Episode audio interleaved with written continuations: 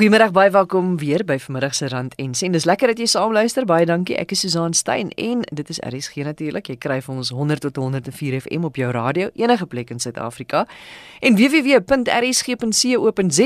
wêreldwyd op die internet. Nou ons kan helaas nie die olifant in die vertrek ignoreer nie. Ons petrolpryse het gestyg, daarmee saam styg alle ander pryse. Ons ekonomie trek swaar en ons as verbruikers betaal die prys, letterlik en figuurlik. Maar Ek glo nie daaraan dat dit help dat ons gaan sit en kla daaroor nie. Ons moet eenvoudig planne maak om die wa deur hierdie drif te trek, want die son gaan weer skyn. Die beste manier natuurlik is om eenvoudig vir 'n tyd lank jou beursie toe te hou. Dit is in elk geval wat ek gaan doen. Gee so min as moontlik uit, probeer om jouself tuis te vermaak, verander jou eetpatrone as dit nodig is. As jy iemand is wat dalk te veel geld uitgee op wegneem etes en daai soort van ding, koop jou eie kos, maak jou eie toebroodjie, vat dit saam werk toe of jou eie slaai, maak jou eie koffie, vat dit saam met jou werk toe. Mens kan baie geld so bespaar. En bestee meer tyd saam met jou gesin aan lekker buiteaktiwiteite.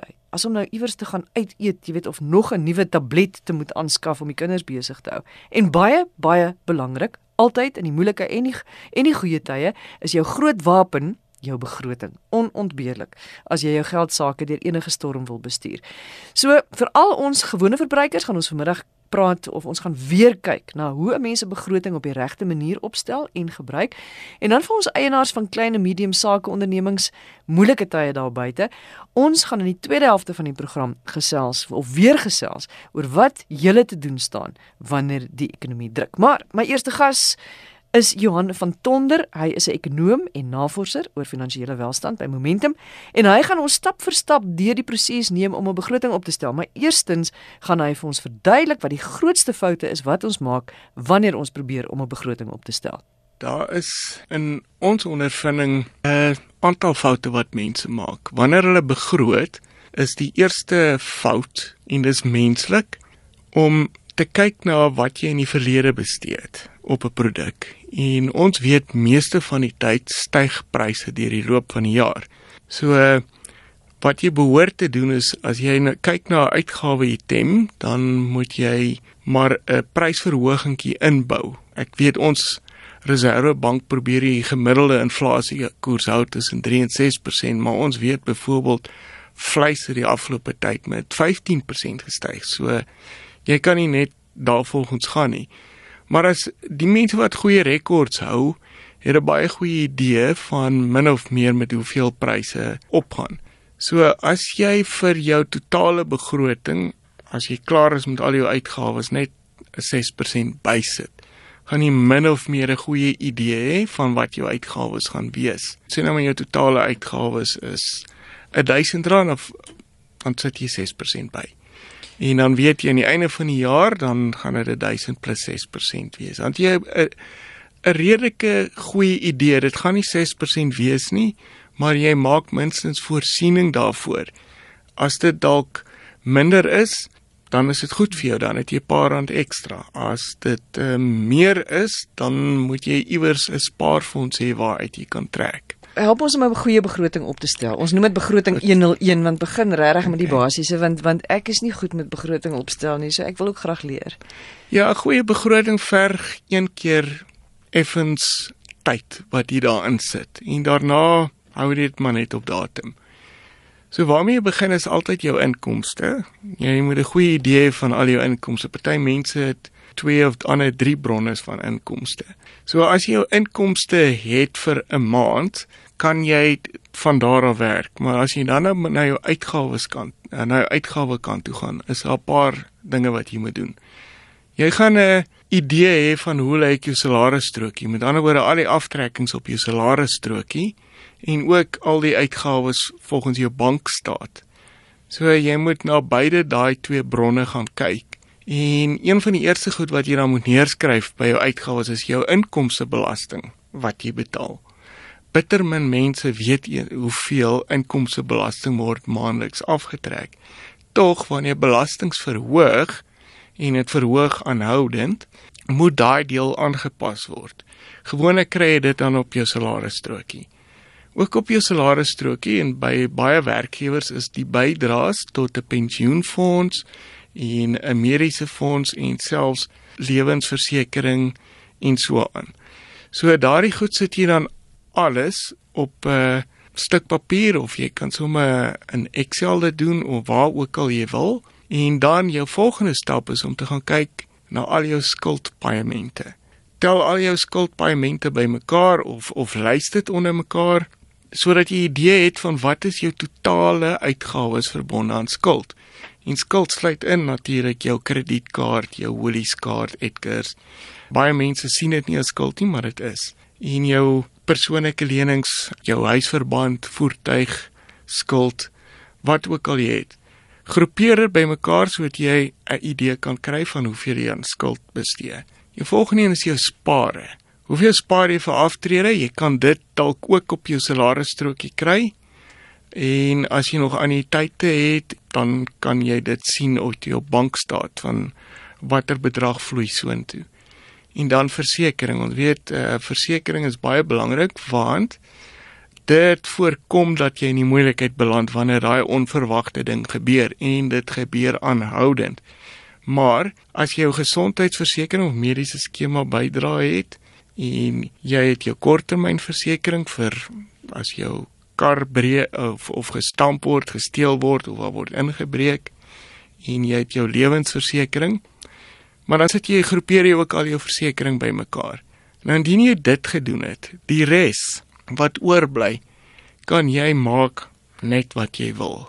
Want dis jou diskresionêre inkomste. Dis waarmee jy jou kos koop, dis jou petrolgeld, dit is as jy dalk ehm um, multi-choice kanale wil sien dis jou een keer 'n jaar TV lisensie dis tolgeld wat jy daarin sit dis bykans al die res en as jy daar klaar is dan gaan werk jy met persentasies dan gaan kyk jy wat is jou belasting as 'n persentasie van jou inkomste so jy vat jou belasting deel dit deur inkomste en maal met 100 en dan kry jy 'n persentasie en dan kyk jy watter persentasie bestee aan skuld. Tel al jou paemente bymekaar, deel dit deur jou inkomste en maal met 100 en dan dieselfde, hoeveel spaar jy? Dan kan jy sien watter persentasie jy spaar vir jou aftrede en ook vir versekerings, die volgende een en dan die res. En dan kan jy 'n vergelyking begin doen om dan te sien, wel, ek dra minder by aan spaargeld as byvoorbeeld belasting en dan moet dan moet jy begin bekommerd raak of die bedrag wat ek aan skuld betaal is dalk meer as wat jy spaar vir aftrede of vir versekerings en dan begin jy moet jy begin bekommerd raak. En wanneer jy dit begin raak sien, dan gaan jy na wat ons doen 'n finansiële plan. Jy kan nooit jou begroting en jou finansiële plan skei nie, want hy sal bydraes vir spare vir aftrede, vir lewensversekering en so aan wat in jou begroting is, is ook deel van jou finansiële plan.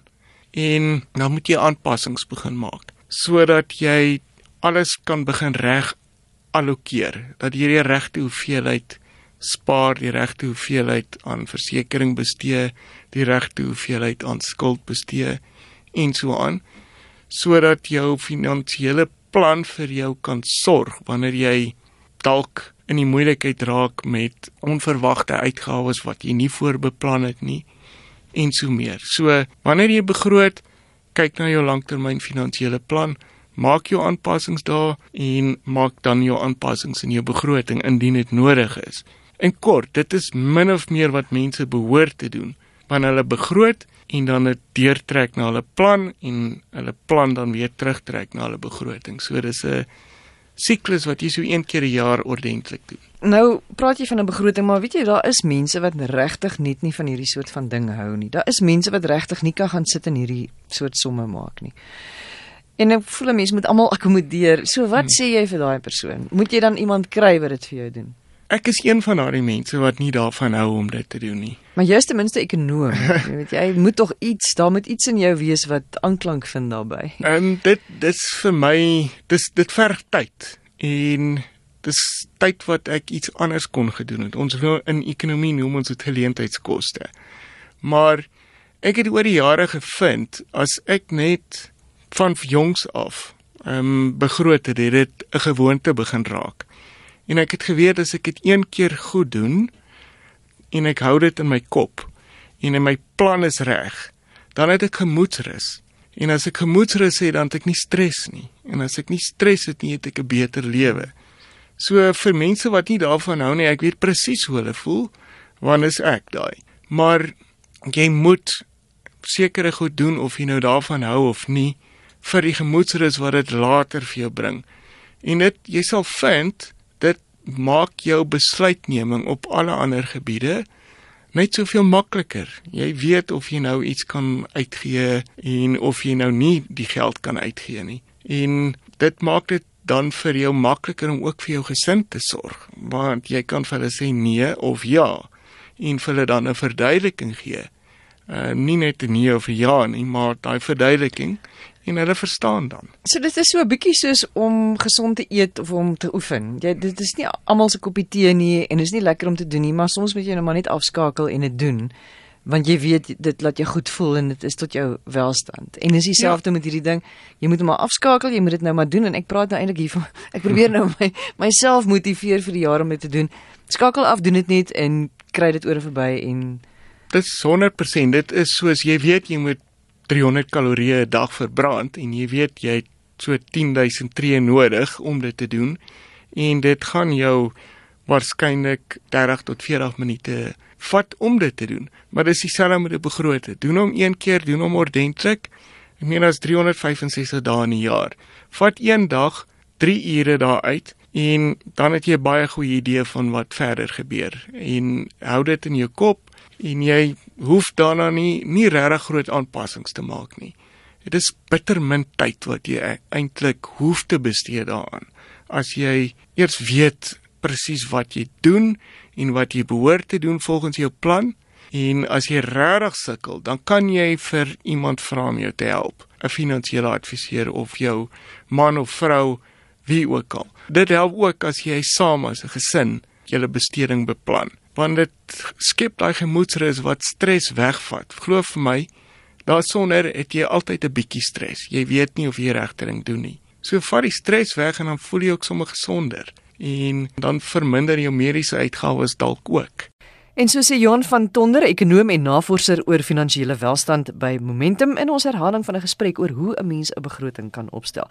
En nou gaan ons kyk na klein en medium sakeondernemings want dit is nie net Jan Alleman wat swaar trek nie. Dink nou net as jy 'n eienaar is van so 'n onderneming, mense het nie meer geld nie, alles raak duurder. Jy kry nie meer voete in jou winkel of by jou onderneming nie. En so gebeur dit dat baie mense hulle deure moet sluit. Nou Christo Botes is die uitvoerende direkteur van Business Partners en hy gaan net weer eens praat oor die invloed van die ekonomie op kleiner sakeondernemings. Dit is nogal 'n mynveld wat ons klein en medium groot besighede hulle self in bevind. Want aan die een kant sit hulle met hulle klandisie wat afskaal. Dit is of nou die gewone verbruiker wat uh, vertroue heeltemal gekneelter is deur dat hulle nie seker is of hulle môre werk gaan hê nie. Wat miskien redelike groot skuldlaste dra alreeds en probeer terugsny op hulle begrotings wat se besteebare inkomste nie meer is wat dit was nie die koopkrag daarvan het afgeneem. Hulle besef dat hulle diskresionêre inkomste is ook af want dit kos net duurder om te leef. So, maar wat wat beteken dit vir die klein sake onderneming, die eienaar van die klein sake onderneming? Die klein sake onderneming moet as hy die verbruiker bedien, moet hy bewus wees daarvan dat hulle besteebare inkomste is nie meer daar nie, so die voete in sy of haar winkel gaan nie meer dieselfde wees nie. So hy moet begin sny aan kostes moet probeer om sy oorhoofse kostes af te kry of om die mense op 'n eerlike manier in sy winkel in te trek eerder as om na die winkel langs aan te gaan. Weet julle van klein sake ondernemings wat besig is om deure te sluit of wat regtig swaar kry? Die persentasie wat swaar kry nou teenoor 'n jaar gelede en 2 jaar gelede beslis. Wat sê julle dan nou vir mense wat 'n klein sake onderneming het wat vanmiddag luister? Wat is jou raad aan so iemand? Iemand wat bietjie angstig voel, iemand wat voel Oek, dinge is swaar. Wat wat is jou raad? Hoe gaan ek in die eerste plek positief bly en in die tweede plek praktiese wenke om my besigheid aan die gang te hou? Ek dink entrepreneurs, SME entrepreneurs, regte entrepreneurs, jy kry hulle nie sommer onder nie. Hulle is dapper, hulle het deursettingsvermoë. So hulle gaan 'n pad vind. Goed, dis waarskynlik maklik om te sê, maar kom ons kyk, uh, hulle identifiseer miskien 'n gaping.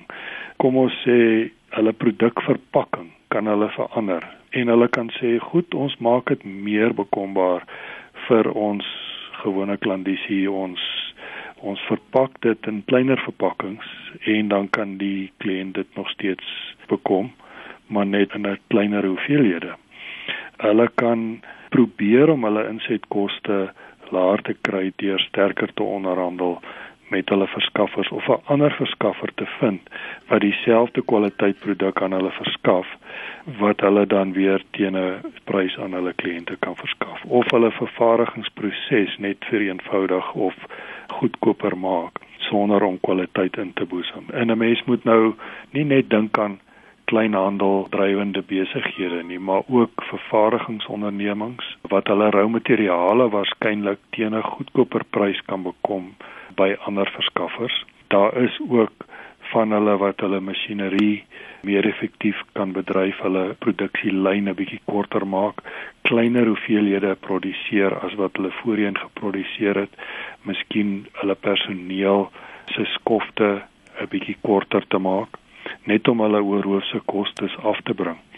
'n Mens moet ook besef dat in 'n afwaartse groeikurwe van 'n ekonomie gaan jou kliënte gaan begin fokus net op wat is die belangrikste om om in my mandjie te sit en ek gaan miskien my net bederf met ietsie kleins en my groot goed gaan ek uitstel. So miskien gaan jou voorraad houding 'n bietjie verander sodat jy nie jou duur items wat nie essensieel is vir jou tipiese koper nie. Jy gaan jy jou voorraad afwaarts aanpas, jy gaan minder van daardie voorraad in in jou winkel hou. So die belangrike ding om 'n entrepreneur te wees is dan eintlik om in hierdie moeilike tye te beskik oor die vaardigheid om te kan sien waar lê die geleenthede en hoe kan jy dit gebruik en daal begin bou. Absoluut. En en miskien selfs jou voorraad afbestuur of die die duurder items of die nie essensiële gedeelte van jou voorraad wat stadiger beweeg, gaan jy waarskynlik afbou en dit wat vinniger beweeg omdat dit goedkoper items is, maar nog steeds ek moet beklemtoon kwaliteit is nog steeds daar. Ons kan nie op kwaliteit uh, inperk nie. Ons verbruikers het net so gesofistikeerd geraak, jy kan hulle nie daarmee bluf nie. Gehalte en ook diens is twee belangrike goed want dit kan jy nie wegvat van iemand nie as jy goeie gehalte produk verskaf en jy gee goeie diens. Maar wat sê jy vir mense wat droom van daai eie onderneming en wat dink goed nou gaan ek dit begin waag of dalk dink nee die tye is te sleg ek gaan nou maar dit nie doen nie. Wat wat van daai persoon? Wat is jou wenke en jou aanmoediging of ontmoediging vir daai persoon? Eerstens moenie 'n onderneming begin uit desperaatheid nie. Dan begin jy dit vir verkeerde redes jy moet glo in jouself dat ek gaan hierdie besigheid laat werk.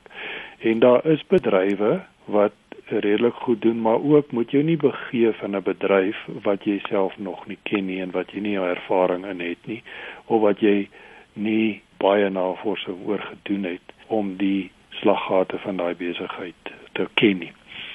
Definitief daar is nog geleenthede.